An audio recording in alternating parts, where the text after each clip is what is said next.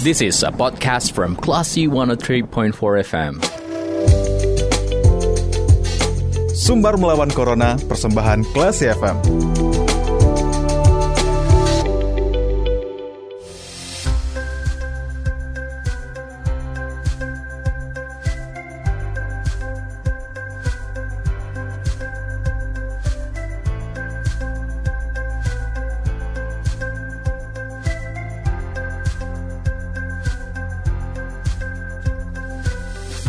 Empat kelas FM, this is the actual radio. Classy People, Anda masih mencermati program Sumbar Melawan Corona bersama saya Faris Sardana.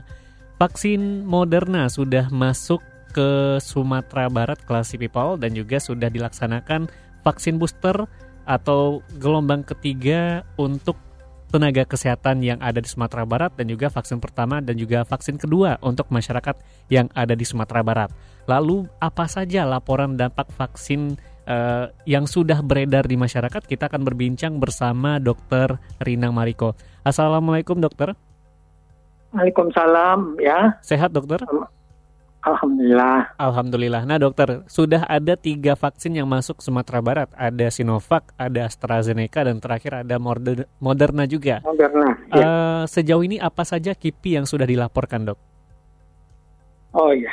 Uh, jadi kalau untuk tenaga kesehatan ya, hmm. sepertinya di Padang atau Rumah Sakit Jamil misalnya, kita melakukan imunisasi sudah ya uh, Sinovac yang pertama, hmm.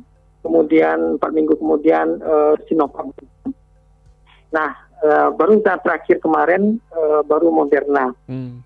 Memang kalau melihat KIPI atau efek samping pada Sinovac uh, itu kita rata-rata merasakan uh, mungkin agak meriang gitu hmm. atau sakit di tempat uh, suntikan ya hmm. atau ada ruam-ruam di kulit atau mungkin ada efek mengantuk juga ada yeah. ya seperti bapak laporan.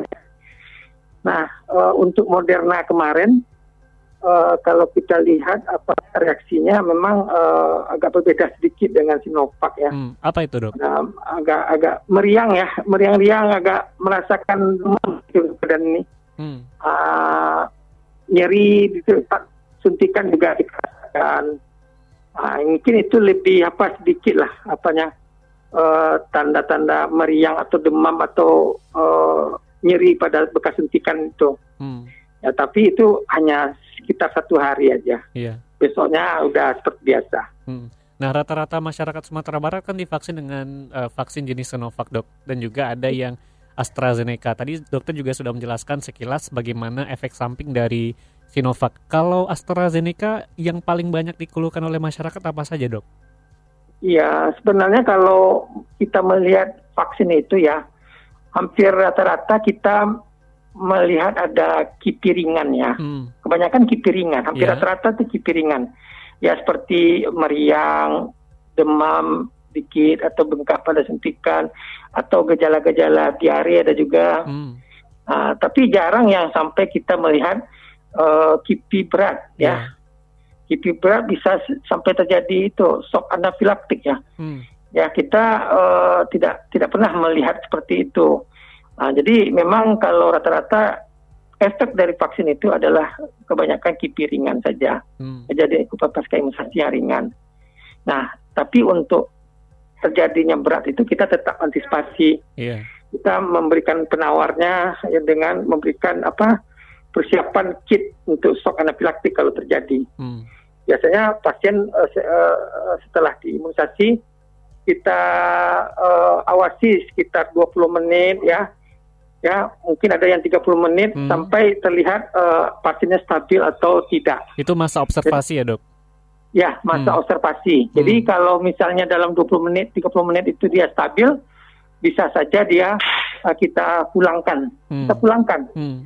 Uh, tidak tidak masalah. Uh, jadi memang uh, tetap kita monitor setiap melakukan imunisasi tersebut. Hmm. Dari ketiga vaksinasi yang sudah dilakukan dokter, yang paling banyak dikeluhkan oleh masyarakat apa yang vaksin mana dok? Hmm, KIPI yang sering terjadi. Ya, kipi yang sering terjadi itu yang itu bengkak di tempat suntikan atau nyeri. Itu yang paling uh, sering kita demam apa uh, keluhkan atau hmm. meriang-riang. Tapi hampir ke semua vaksin ya dok, tidak hanya satu atau dua vaksin begitu? Iya, hampir, hmm. hampir ya. Kita hmm. lihat uh, baik Sinovac maupun Moderna maupun apa AstraZeneca hampir seperti itu. Hmm. Baik. Terakhir dokter, uh, himbauan buat masyarakat agar tidak takut untuk divaksinasi karena saat ini pemerintah sudah jor-joran agar masyarakat mau divaksin sudah mendatangkan bahkan Moderna sampai ke Sumatera Barat. Silakan dokter. Ya, jadi uh, memang kalau im, apa pencegahan yang terbaik itu ya uh, dalam menghadapi apa virus corona ini adalah uh, kita tetap memakai protokol kesehatan ya, prokes ya. Hmm 5M atau 6M yang kita dengungkan itu. Dan juga kita jangan lupa melakukan imunisasi. Karena dengan melakukan itu berarti kita sudah memberikan apa namanya peluang untuk kita bisa terhindar dari coronavirus ini. Hmm. Nah, kepada masyarakat ya, nggak usah cemas ya. Kalau kita perhatikan sekarang ini, ya pencapaian imunisasi itu untuk uh, tenaga kesehatan itu sudah bagus, sudah hmm. hampir 100% itu. Yeah. Nah, mudah-mudahan di masyarakat nanti bisa juga mencapai target seperti itu.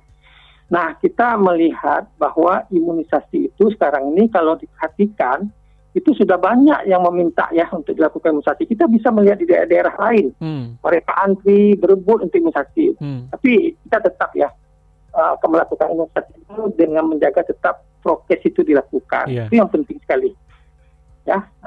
Baik. Baik, terima kasih dokter sudah berbincang ya. bersama kelas FM di hari ini. Sehat-sehat selalu. Assalamualaikum. Ya. Waalaikumsalam. Baik, kelas People, itu perbincangan kita bersama Wakil Ketua Komda KIPI COVID-19 Sumatera Barat, ada Dr. Dr. Rinang Mariko SPAK, dan saya Faris Sardana. Kita ke program selanjutnya. Terima kasih. Anda sudah mencermati program Sumber Melawan Corona. Cermati podcast obrolan ini di www.classfm.co.id atau download aplikasi Class FM.